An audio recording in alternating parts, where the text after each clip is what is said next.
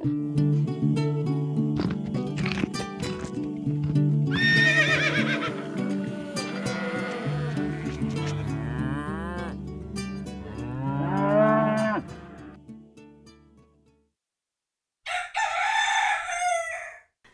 morgen. Eh, vi kan skikkelig lite. Vi kan ikke starte sånn. Kan vi ikke starte sånn? Nei, ok, god morgen da. Velkommen til Ingvold plutrekast. God morgen, god morgen. Og vi satt akkurat her eh, og drakk litt kaffe og frustrerte oss over um, hvor mye vi ikke har kontroll på. Mm. Spesifikt akkurat nå når det gjelder planter. Ja. Og du sa det mest klisjéfulle av alt. Ja, at jo, jo mer vi lærer, jo dummere blir vi. Og det er jo ganske dust, eh, men sånn er nå det. Eh, akkurat nå så lurte vi på om eh, Hva er den igjen? da? Det er Gyllenlakken. Gyllenlakken, ja. Skulle om, om det var på tide å prikle litt og gi mer plass i flere potter. Mm. Men han ser glad ut. Han har ikke sprengt plassen han har med røtter. Eh, så hva vet jeg? Nei, det, det er jo akkurat det. det. Altså, jeg ville jo tro Jeg ville jo tro at de burde bli litt større før de pottes om.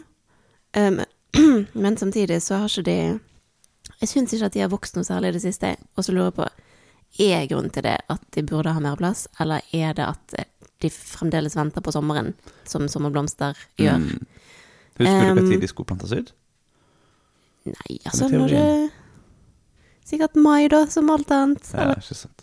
Ja, noe sånt. Ja. Um, og så er det jo ikke så lenge siden de ble på som heller, føler jeg, men så går jo ukene sabla fort for tiden. Det stemmer. Uansett. Uansett. Jeg eh, tenker jo at eh, Eller min viktigste indikasjon på ompottingstidspunkt har blitt å se på røttene. Ja. Hvis det ser ut som røttene begynner å få dårlig plass, så er det på tide. Jeg tenker jo at eh, i denne sammenhengen, da, når du har eh, kanskje 30 av dem i et eh, druebeger, eh, så er det interessant å gjøre noe med dem før de er så innfiltra i hverandre at det er umulig å få dem fra hverandre uten at de blir ødelagt. Ja, det skal du ikke potte det om. Det eneste er at eh, vi har ikke mer plass.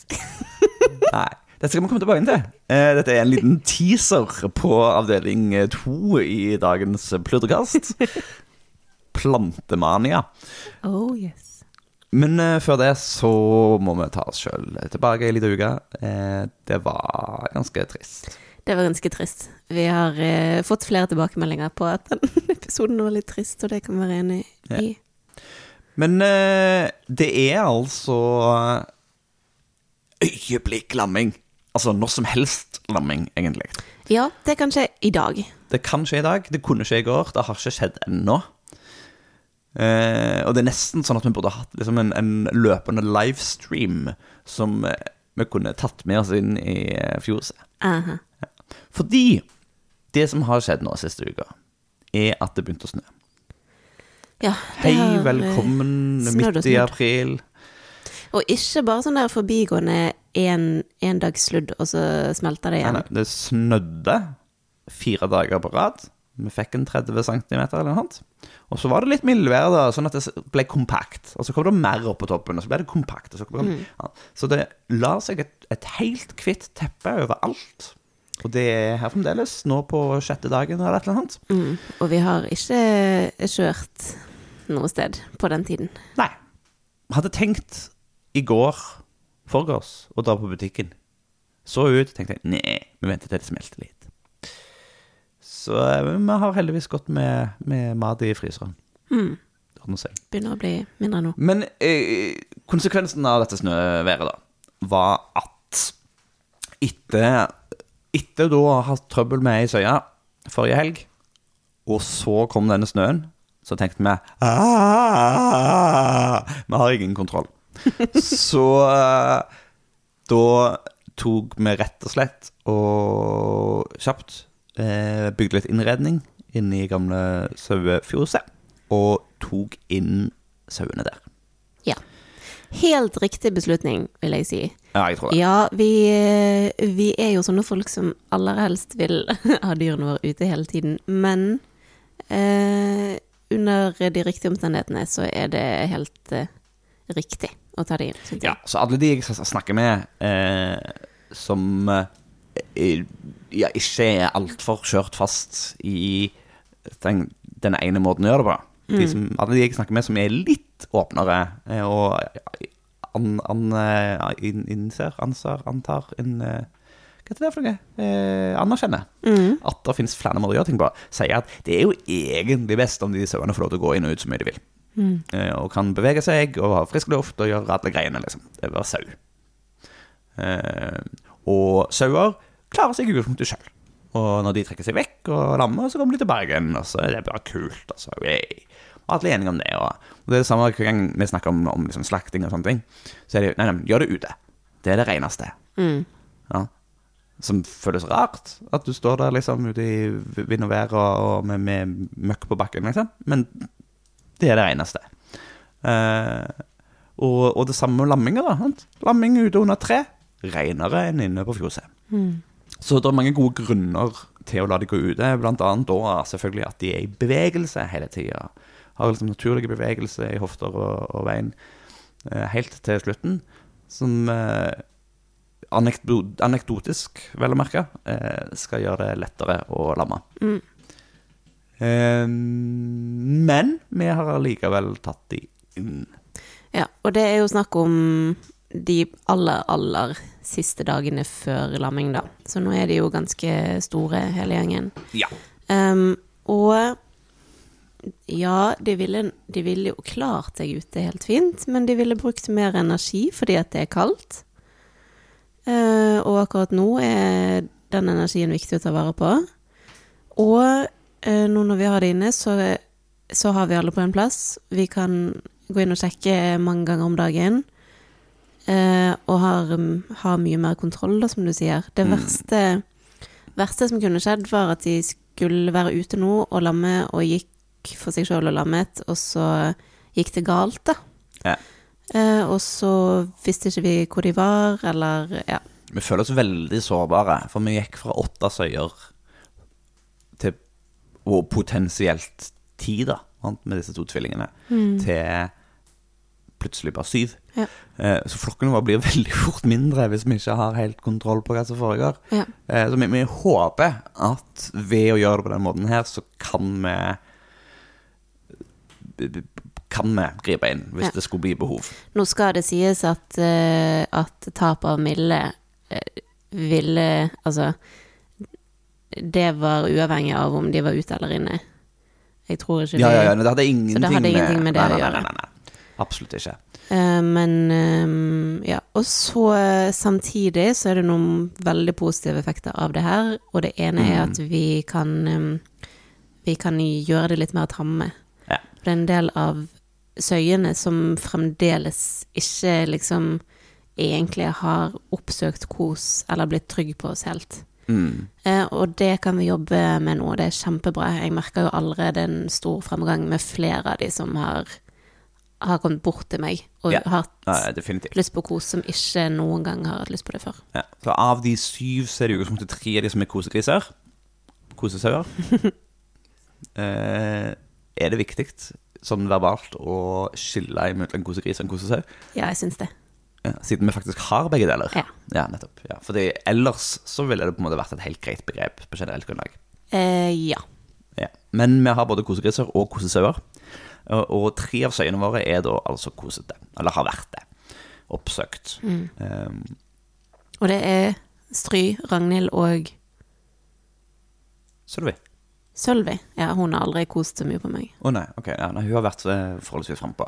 Og det er da altså det, den en, det er tre av de som er eldre enn de andre. Ja, så det er Stry og Ragnhild og Fride. Fride.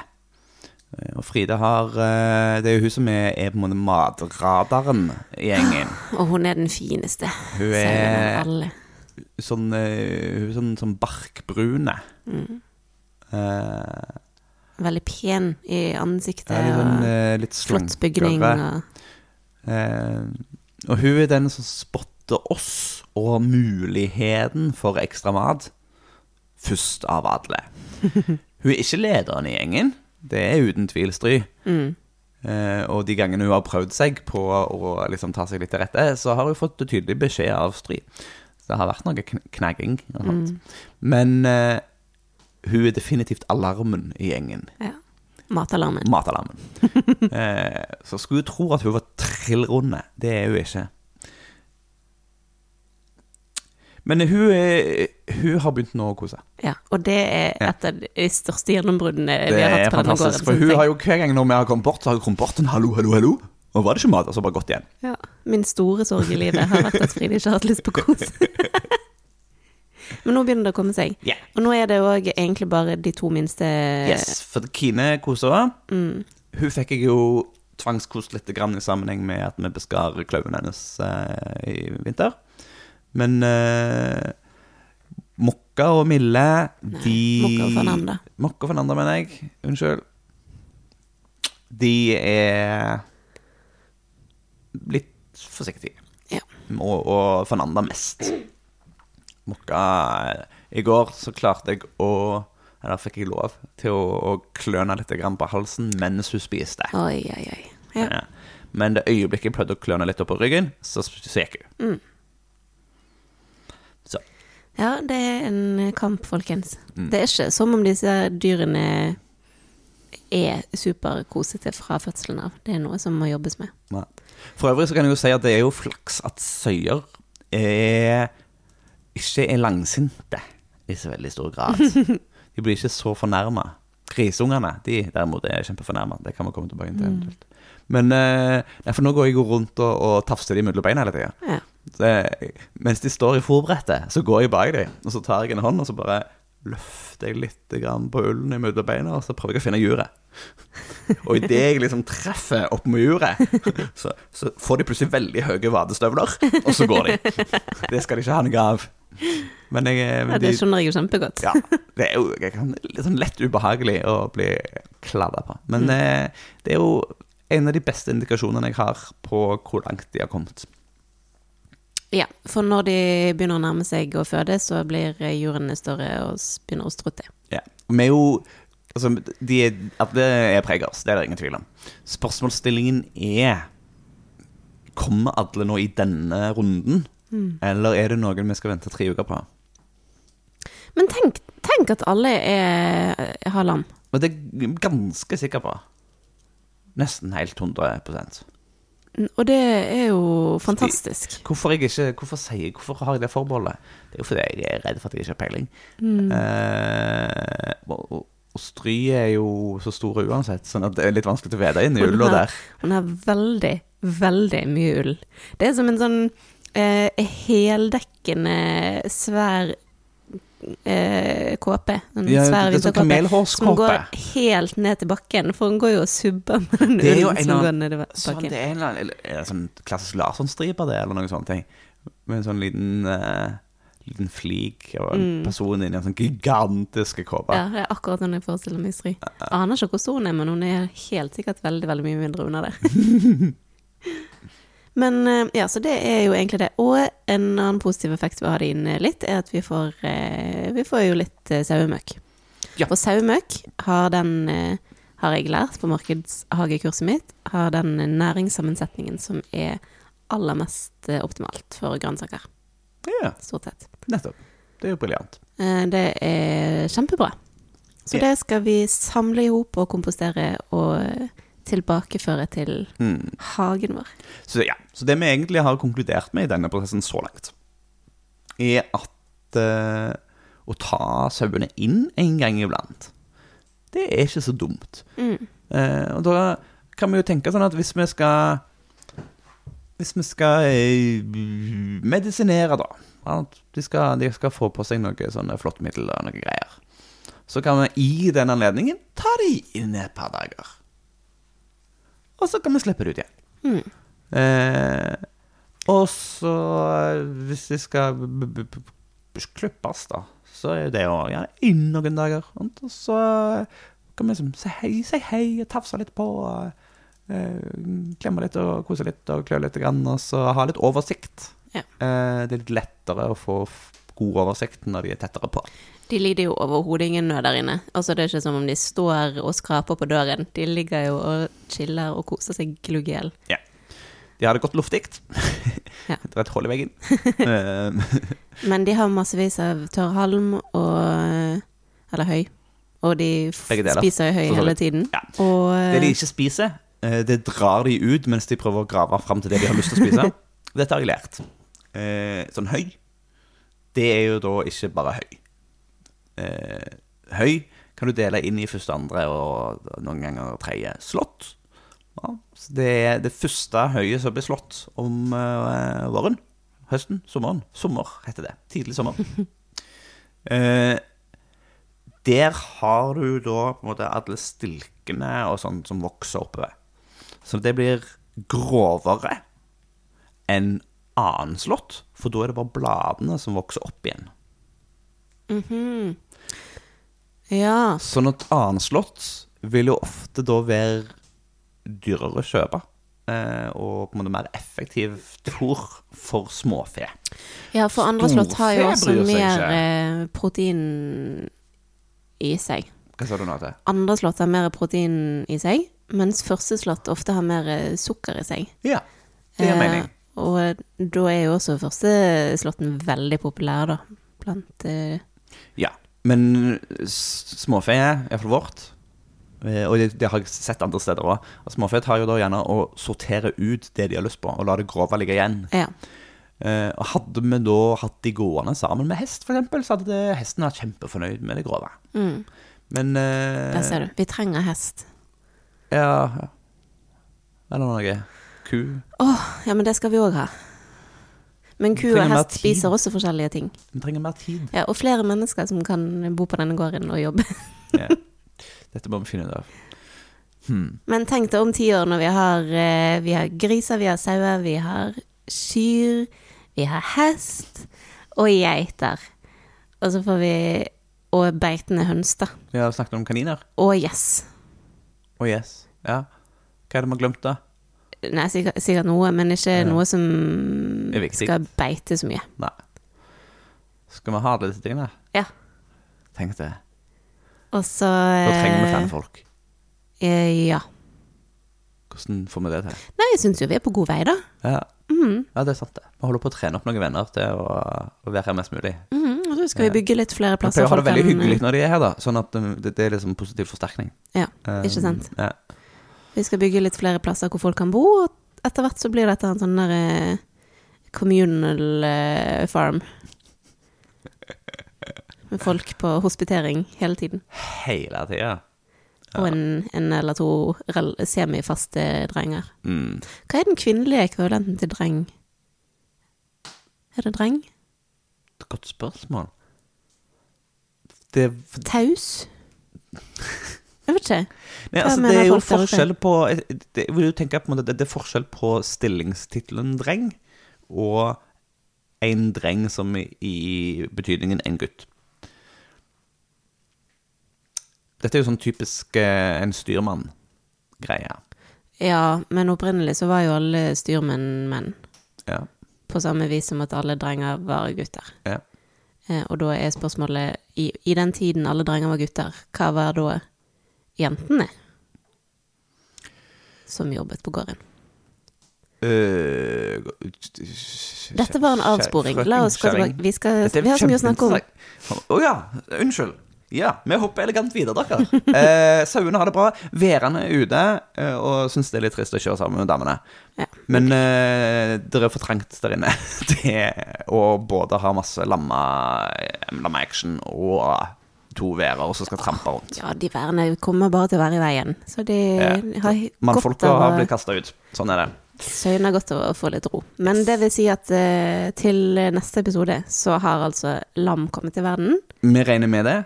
Og, Og- kanskje vi får tatt opp noen live action-greier på veien. Det hadde vært Ja. gøy. Og vi skal selvfølgelig spamme Instagram og Facebook og alt sånn med en gang det kommer noen bilder. Yes. Jeg har på lista mi høns og klukkeri. Ta dere an, ta dere an. Ha-ha, ha-ha. Ehm, vil du si hvorfor Siv er teit? Um, Siv, den ene av våre to uh, hønemødre, er Vil jeg si en sånn uh, medium minus god mor. Uh, og hun tråkker på de av og til, ellers vet vet ikke helt eh, at de er det. Ja, hun er litt sånn vimsete. Hun er vimsete, rett og slett, og har ikke helt eh, Virker ikke som hun har kroppskoordineringen helt på topp.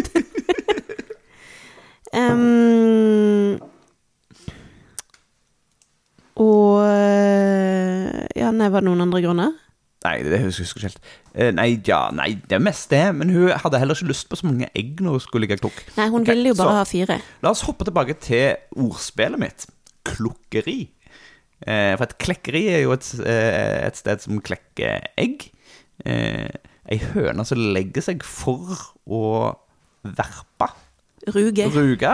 Ha-ha. Lurte dere. For å ruge eh, sier vi at det ligger klukk. Eh, og da er det jo gøy at når vi bruker ikke sånne rugemaskiner, vi bruker klukkhøner. Så derfor har vi et klukkeri. Jeg liker at du måtte forklare det så grundig. Ja, men eh, jeg må jo ta utgangspunkt i at våre tilhørere er enkle mennesker som ikke nødvendigvis er inne i alle disse begrepene. Hei, dere enkle mennesker. La oss, la oss alle samles som en, som en enkel klump. Ja. Jeg er bare en enkel, enkel bonde. Så det, det går bra. Nå omtalte du deg sjøl som bonde. Eh, Ja, jeg jobber, jeg prøver. Jeg syns det er kjempevanskelig. Jeg, eh, jeg gjør eh, en innsats eh, for å normalisere i hodet mitt det. Jeg syns at du blir flinkere. Det var et eller annet som skjedde når hun var på besøk, som, som omtalte Hun sa at du er mye mer bonde enn de aller fleste bøndene. Eh, som hadde en sånn tanke om at eh, Altså, fordi det handler om at jeg faktisk lever fulltid eh, på gården min. Og gjør går fullt ut. Og har en intensjon om å få det til å gå rundt etter hvert. Eh, I motsetning til de som har Jobber på en oljeplattform og har litt sauer på, som hobby. Ja. Ikke Selv om, selv om de har traktor og Ja. har vokst opp med John Deere-cap. Ja, for vi snakket jo veldig om den traktoren, og, og den der eh, bondekulturen. Ja. Eh, jeg skal ikke gå til postkassen og kjøre traktoren ned, liksom. Men Mm. driver kanskje ikke Og og det, men det er interessant, altså, for der er det en sånn identitet. Men hva Bonde har jo blitt identitetsmarkør for bygd, egentlig. Altså, det er, veldig, det er veldig mange eiendommer som er veldig praktiske å ha traktor på. Trenger ikke bety at du er en jordbruker. Nei, det er sant. Ja. Så den eiendommen du bor på, den var tradisjonelt en, en jordbrukseiendom, hvor de som bodde der, levde av landet, og hadde de maskinene som de trengte for å gjøre det. Men når de da slutter å leve av landet og blir rørlegger istedenfor, eller kontorarbeidere, eller hva sånn altså folk driver med, som er rart, ja. så slutter det jo ikke å være nødvendig å brøyte de 300 meterne ned til hovedveien. Eller eh, eh, Ja, du har fremdeles driveplikt, da, så du er nødt til å slå litt. Grann. Ja, eller leie ut, som de fleste egentlig gjør. Eh, Poenget er i hvert fall at maskinene er fremdeles interessante eh, å ha. Og, men det har òg liksom vokst seg inn i en del av kulturen og identiteten. Sånn at det er på en måte vel så viktig det. Nei, dette her er rare greier. Ok, anywho, Poenget er i alle fall at hva er en bonde? En bonde er vel først og fremst en eh, jordbruker. Men, Vi syns jo det. eh, og i så fall så er vi eh, vel så mye, og ikke, om ikke mer, bonde enn de fleste bønder. Enn veldig mange bønder, i hvert fall. Ja, mange. Unnskyld. Ja. Så det, ja, nei, eh, det var en sidehopp. Ja, og det er jo heller, må vi presisere, ikke for å trekke ned andre, men for å eh, få litt mer selvtillit sjøl. Ja, det er superviktig. Det, du, kan, du kan ha hvilken markør du ønsker. Eh, så du kan kalle det hva du vil. på. Eh, det er jo ikke det som er poenget. Poenget er at jeg sliter med å finne ut av hvem jeg skal være, eller hvem jeg Nei, jeg vet jo hvem jeg har lyst til å være. Mm. Men jeg jeg, sliter med å um, føle at jeg kan tillate meg det eierskapet, kanskje. Altså det, du, du går jo inn i denne greiene med at eh, Men det er så mange andre som har så mye mer peiling enn meg. Så hvorfor skal jeg snakke høyt om hva nå enn det er snakk om? Mm. Eh, for du bør jo heller høre på de som har mer peiling enn meg. Eh, og det er litt det samme greia her. Hva tid? Spesielt da noe når du ikke Det er, ikke en, det er jo ikke en grad Altså, du kan få graden agronom ved, ved å ta utdanning. Uh, men du, du, å- være jordbruker og bonde krever ingen sånn sertifisering av den typen. Det er noen kurs som skal tas, og noen sånne type sertifiseringer, liksom. Men, men det løpende og ting du kan ta ved behov, avhengig av hva du velger å drive med. Altså, det er så utrolig flytende. Så på hvilket tidspunkt slutter du å være blåøyd eh, nisse fra byen som har fått deg eh, eh, jordbrukseiendom, til å bli bonde? Hvor skjer det? Det har vi ikke svaret på. Nei. Så det er jo det det handler om. Ja. Ja. Anyway. Forresten Ja. Kom igjen. så mener jeg at eh, Bonde- og Småbrukarlaget har i sin politikk at eh, de ville ha som krav at bønder skal ha agronomutdanning. Det er interessant. Hva syns vi om det? Det ville jo vært veldig dumt for vår del, for vi Det for da- begrenser veldig mye. Ja, vi, vi har jo prøvd passe iherdig, vil jeg si, å få agronomutdanning. Ja, men når jeg sier at det er i samme slengen, da, så, så um, blir det lagt opp et bedre løp for etterutdanning og sånne ting, så blir det mulighet å få det til. Mm, La oss si det. Um, ja, for vi har søkt på og ikke fått plass mm, et par ganger. på begge skolene som er aktuelle. Ja. Um, ha. Nei, altså, jeg er jo litt redd for tilstrømningen av nye, da. Ja, Det blir plutselig veldig mye vanskeligere for nye folk med nye ideer til å starte opp. mm, Eh, og hvis, hvis du har lyst Ja, hvis du har lyst på nytt blod inn i næringen, da, så trenger du jo byfolket som har nye, nye driv. og nye tanker, ikke Ja. minst. Og de har jo aldri vært i nærheten av en jordbruksskole, de, i løpet av ungdommen. Nei. For det er ikke, er ikke en del av agendaen. Nei, kan hende at Så- noen av de velger å ta det etter hvert, men uh, Ja, det må jo være det, da. Men da må det være lett å gjøre. ja. Og så er det jo altså det, det er vanskelig for uh, Jo, men det, altså, det kunne jo vært en sånn i løpet av fem år, eller ti år i drift, eller noen ting. Altså når du starter, så skal du ha Hvis du må ha det for å kjøpe en landbrukseiendom, da er det jo kjørt. ja, da Fordi du kan ikke som, som fulltidskontorarbeider Eller det skal, det skal veldig mye mer til for at fulltidskontorarbeidere skal etterutdanne seg, og så kjøpe gård, og så få en business opp og gå.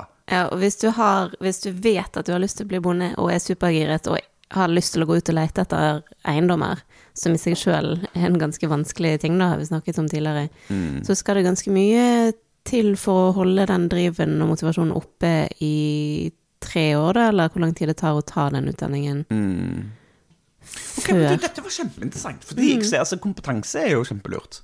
Og jeg merker jo, altså, Vi hadde nok hatt det ganske mye mer chill hvis vi hadde hatt eh, noe En av oss hadde hatt noe agronom i bånn.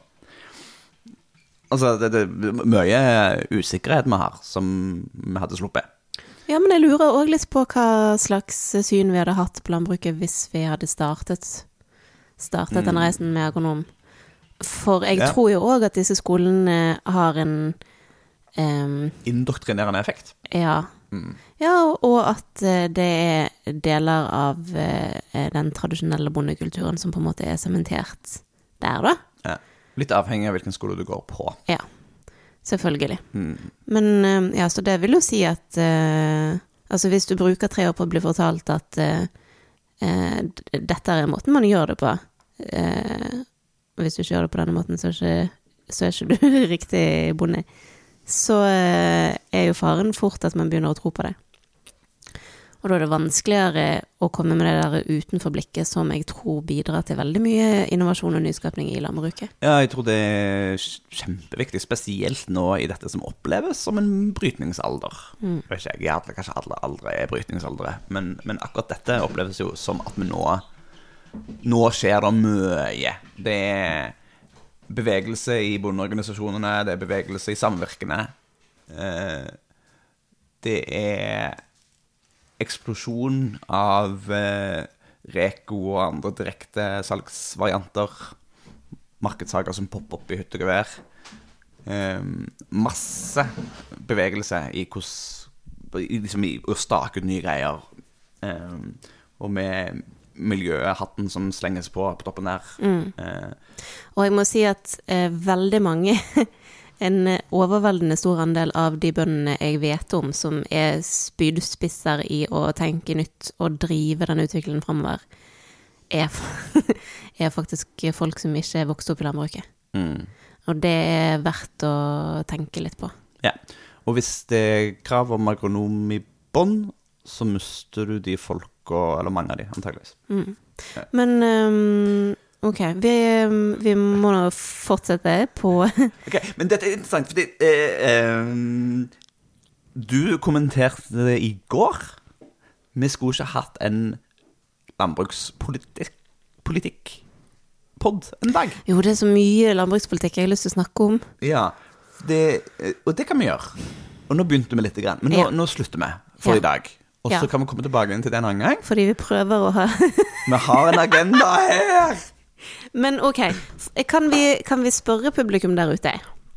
Oi. Um, Ja, hva vil du spørre om? hvis, uh, hvis vi skal prate litt om landbrukspolitikk, og uh, ikke på en sånn kjedelig måte, men sånn på den gøye måten som, uh, som vi Altså, alltid gjør. At vi sitter her og mener ting. Landbrukspolitikk er jo kjempespennende, det er bare at mange ikke helt har skjønt det. Så la meg, la meg komme med noen eksempler. Eh, vi, det går an å snakke om, eh, om dette med utdanning, og hvordan få nye bønder inn. Eh, det går an å snakke om eh, bruken av kraftfôr versus eh, bruken av gress og norske ressurser og alt dette her. Distriktspolitikk, bosetning. Eh, større og færre bønder, eller flere mindre bønder.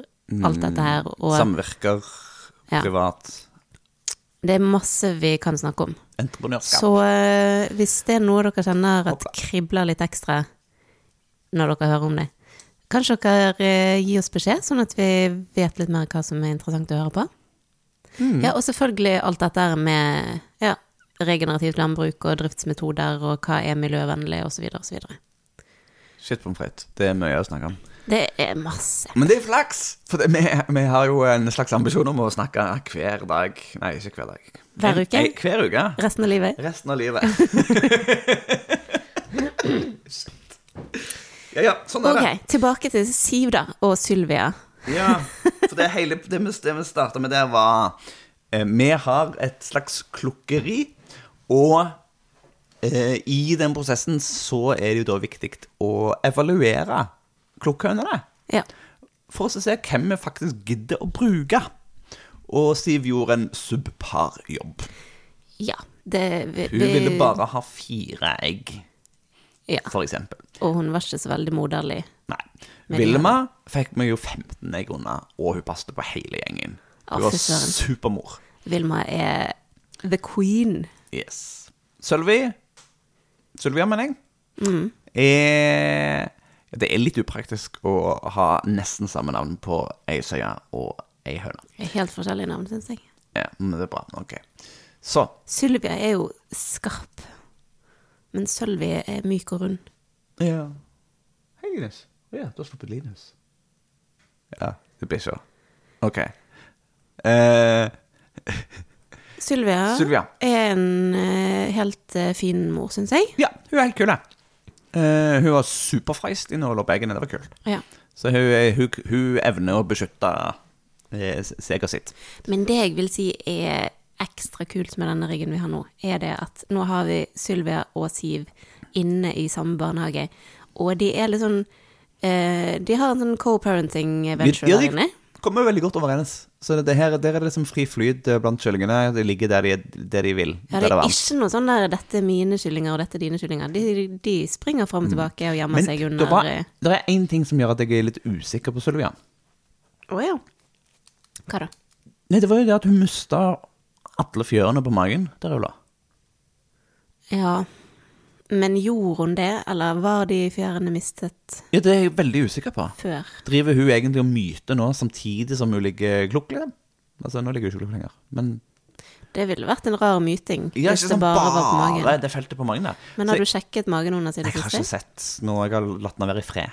Ja. Så eh, etter hvert når- de kyllingene blir litt større, sånn at jeg ikke er redd for at hun liksom skal flakse og daske de, Mm. så skal vi kikke litt. Grann. Ja. For det var, det var påfallende. Det var sånn at når, eh, når vi i begynnelsen skulle sjekke hvordan det gikk under der, og løfte den opp ja, For med, eh, de har jo ligget klokk eh, Oppi verpekassen. og, Ja, sånn at det har kommet andre høner og så lagt egg oppå de, og så har de eh, dratt de til seg, og så har det bare blitt mer og mer egg under der. Så man har jo plukka ut eggene hver dag. Ja, de som de ikke skulle, De som de ikke skulle ha. Ja. Og, og, og da var det jo sånn at på et tidspunkt så hang jo et eggene fast liksom i huden, og så s- ramla ned og knuste. Ja. Eh, sånn skal det ikke være. Nei, men jeg har ikke lagt merke til en, eh, en dårligere allmenntilstand ved henne. Nei. Selv Klart, den har vært fin, ja. Så ja. Nei, dette må utforskes litt eh, videre. Mm. Så, eh, men jeg har, det liksom en sånn liten notis i, i margen der på henne. At hmm. Og så får vi følge med. ja. Hvor, langt, eh, hvor mye tid har vi brukt nå? Nei, nå har vi snakka i 36 minutter. Ja, ok, vi rekker litt grann hageprat da. Ja, skal vi, vi trenger ikke for det, Først så skulle vi egentlig innom økonomi, som er ditt favorittema. Eh, men det er to gode milepæler som handler om hagen. Mm. Har du lyst å stikke det? Um, det som skjer ute, tenker du på? Nei. Nei. Pengene. Pengene. Ja.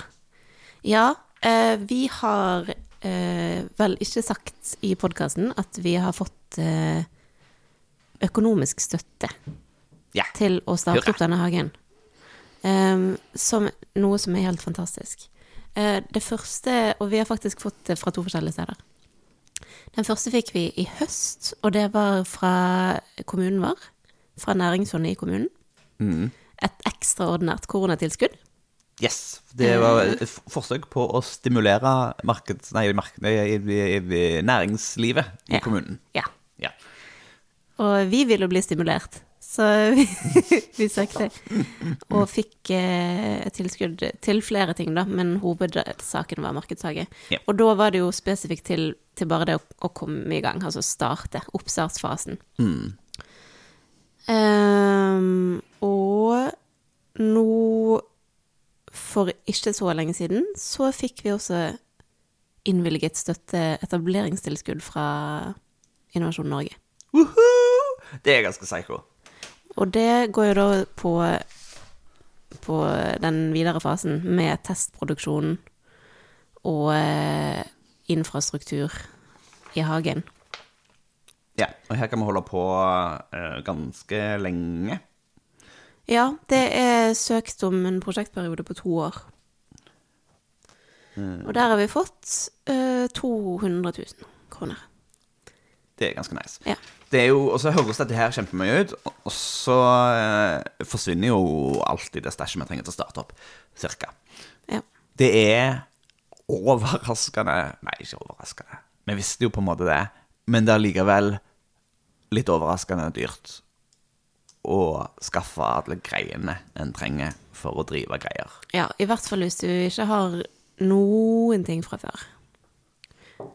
Ofte så har man jo en liten hageflekk, og så kan man starte i det bitte, bitte små og teste ut litt på den lille hageflekken. Men vi har jo egentlig ikke en hageflekk engang. Nei. Ikke en som er dyrkeklar. Jeg så eh, Vi begynte jo å se på den serien om disse svenske menneskene. Ja, vi ble tipset om, eh, om den svenske serien eh, Hjelp, vi har kjøpt en Bondegård. bondegård Ja. på SVT Play. Yes. Og det, den er jo det er en lekker serie, ser fint ut, og det er veldig likende folk. Det er litt i overkant en eh, interiørserie. Vi har sett to episoder. Nei, ok, ja, vi skal gi det litt tid. Eh, men det er litt eh, Ja. Det, det er jeg, tror- jeg tror ikke de skal leve av gårdene sine. Det er ikke en, eh, det er ikke en dokumentarstil, for å si det sånn. Det er jo en, en veldig regissert og klippet eh, Ja. stil på det. Men eh, poenget der, iallfall, eh, som jeg ville fram til, var jo at de kjøpte jo da et dødsbo. Eller, sant? Og det trenger ikke å være et dødsbo nødvendigvis, men det er hvis en kjøper en gård som på en måte ikke har vært i bruk en stund, så følger det jo da gjerne med alle de greiene som blir glemt på låven. Det gjorde jo ikke vi. Vi Nei. kom jo til et sted hvor alt det som var brukende, var tatt med. For det skulle brukes videre en annen plass. Som gir kjempemening. Men det betyr jo at da må vi bruke penger på alle de spadene og greipene og trillebåra. Og sånn, altså alle de småtingene småtingene som hvis vi hadde vært heldige, hadde ligget mer igjen av. Og alle de småtingene er jo heller ikke så dyrt sammenlignet med de store tingene. Nei, men samtidig, altså Det, det blir fort mye penger av det, altså. Ja. Nå har vi jo fått eh, drivhuset vi har bestilt, Det har vi. levert. Det ligger under tak og venter på bedre dager. Ja. Og bare det kostet jo 60 000 eh, eksklusiv moms. Ja, og da har jo vi valgt å gå for det Dette har vi snakket om før, har vi ikke det? Jeg vet ikke. Nei, for vi har valgt å gå for det fine istedenfor det som bare virker og rimelig. Ja. Eh, fordi vi vil at det skal vare lenge, og vi vil, vi vil at drivhuset skal være en estetisk del av Ja, det skal være et smykke, for det, det, det ligger på en måte rett i glaningen både når du kommer, og når du er her. Så det ligger nede i dumper, rett ned forbi terrassen. Vi skal se på det hele tida. Og, og de det- som kommer hit, skal se på det. Ja, det blir noe av det første du ser når du kommer her. Så derfor vil vi at det skal være fint. Og så ser vi for oss at når vi har besøk av både eh, privat og betalende art, og det eventuelt er litt ruskete, så er det fint å gå inn i drivhuset og henge dette grann. Så vi har lyst til å sette inn et bord der og ha liksom, lyslenker og, og gjøre det koselig. da. Mm. og, og da trenger det òg å være et fint sted. Ja. Så det har en del merverdi å putte ekstra penger på noe som ser kjekt ut. ja. Det er ikke bare tull. Det handler om eh, trivsel og livskvalitet. Um, Så det er, det, det er da bygd med trespiler og har en sånn eh, fin sånn, De kaller det sånn gotisk eh, bueform, den øverste delen. Sånn at det Ja. ja. Men uansett hvilket drivhus vi hadde valgt, så ville det ha kostet ganske mye. ja. Og så koster det masse med materialer til um, barnehagen, som du holder på å bygge nå. Mm. Um, vi har bestilt uh, 45, ikke 450. 45 kubikk med kompost. ja, det var gøy. Var det 450 kubikk kompost vi skal ha? Spurte Marie i går. Men Er du klar over hvor mye det er? jeg husket at vi har 450 kvadratmeter med Ja, effektivt Og da er det viktig eh, å legge på en meter med ja. Jeg så for meg hvordan jeg skulle gå rundt med trillebår resten av livet og jobbe med den der haugen der. Men i hvert fall, dette her er for de som ikke er så bevandret i, i mengdemål, så er dette veldig mye kompost. Som til sammen koster ganske mye. Mm. Um, irrigasjonssystem med rør og sånn koster masse. ja. Og så er det jo ikke minst Ja, og alle disse her Alle disse opphold. Pottene. ja, altså Fy har, søren, så dyrt det har vært. Vi har shoppa og handla og surra med pluggbrett og potter og eh, sånne vanningsbrett og Ja, fy søren. Og vi er ennå ikke i mål. Nei, vi har Nå er vi tom igjen. Eh, så behovet Pottebehovet har vært eh, enormt. Og det, det forutså vi ikke helt. Nei.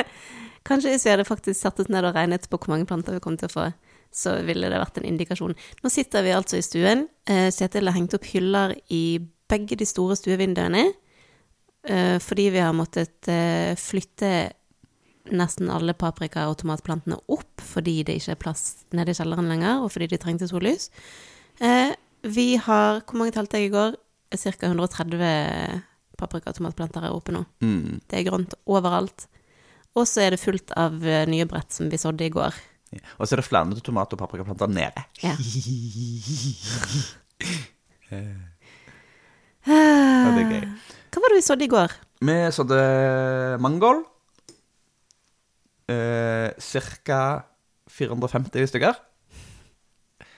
Eh, vi sådde noen urter. Det var sitronmelisse og Timian, timian og bergmynte. gressløk og bergmente. Ja. Og de var i størrelsesorden noen hundre. Eh, Ja, noen hundre, ja. Hver. Um, Vi har sådd, eh, vi har sådd eh, massevis av blomster i det siste. og alle kålene. Alle kålene nesten. Ikke Ja, altså, brokkoli og blomkål. Nei, og sånn. ja, ikke de der bukettene, men, Men bladkålene. hodekål og spisskål Ja. eh, og grønnkål.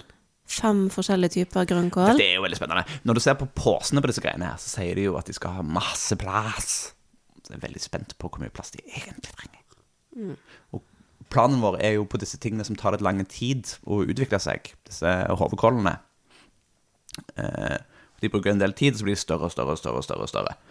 Og så når de er på det store, så trenger de jo all den plassen de har. Men før det så starter de som bitte små. Eh, og når de er bitte små, så er det jo masse mellomrom. Ja. Og det mellomrommet skal vi utnytte med noe som er litt raskere. er planen. Yes. Så det blir kålneppe, kålneppe, kålneppe. Cirka. Eller noe sånt. Ja. Kålneppe, neppe, neppe. Eh, Kål, neppe, neppe, neppe. og, eller reddik. Eller, Eller reddik. Hva som helst. Alt som er Alt som er raskt. raskt. Kanskje Yes. salater. Det er Salater for øvrig, når du ser de der bitte små spirene, så er det veldig vanskelig å forestille seg at det skal bli planter som er en kvadratmeter store. Mm. Og det er der Det er det som er problemet mitt.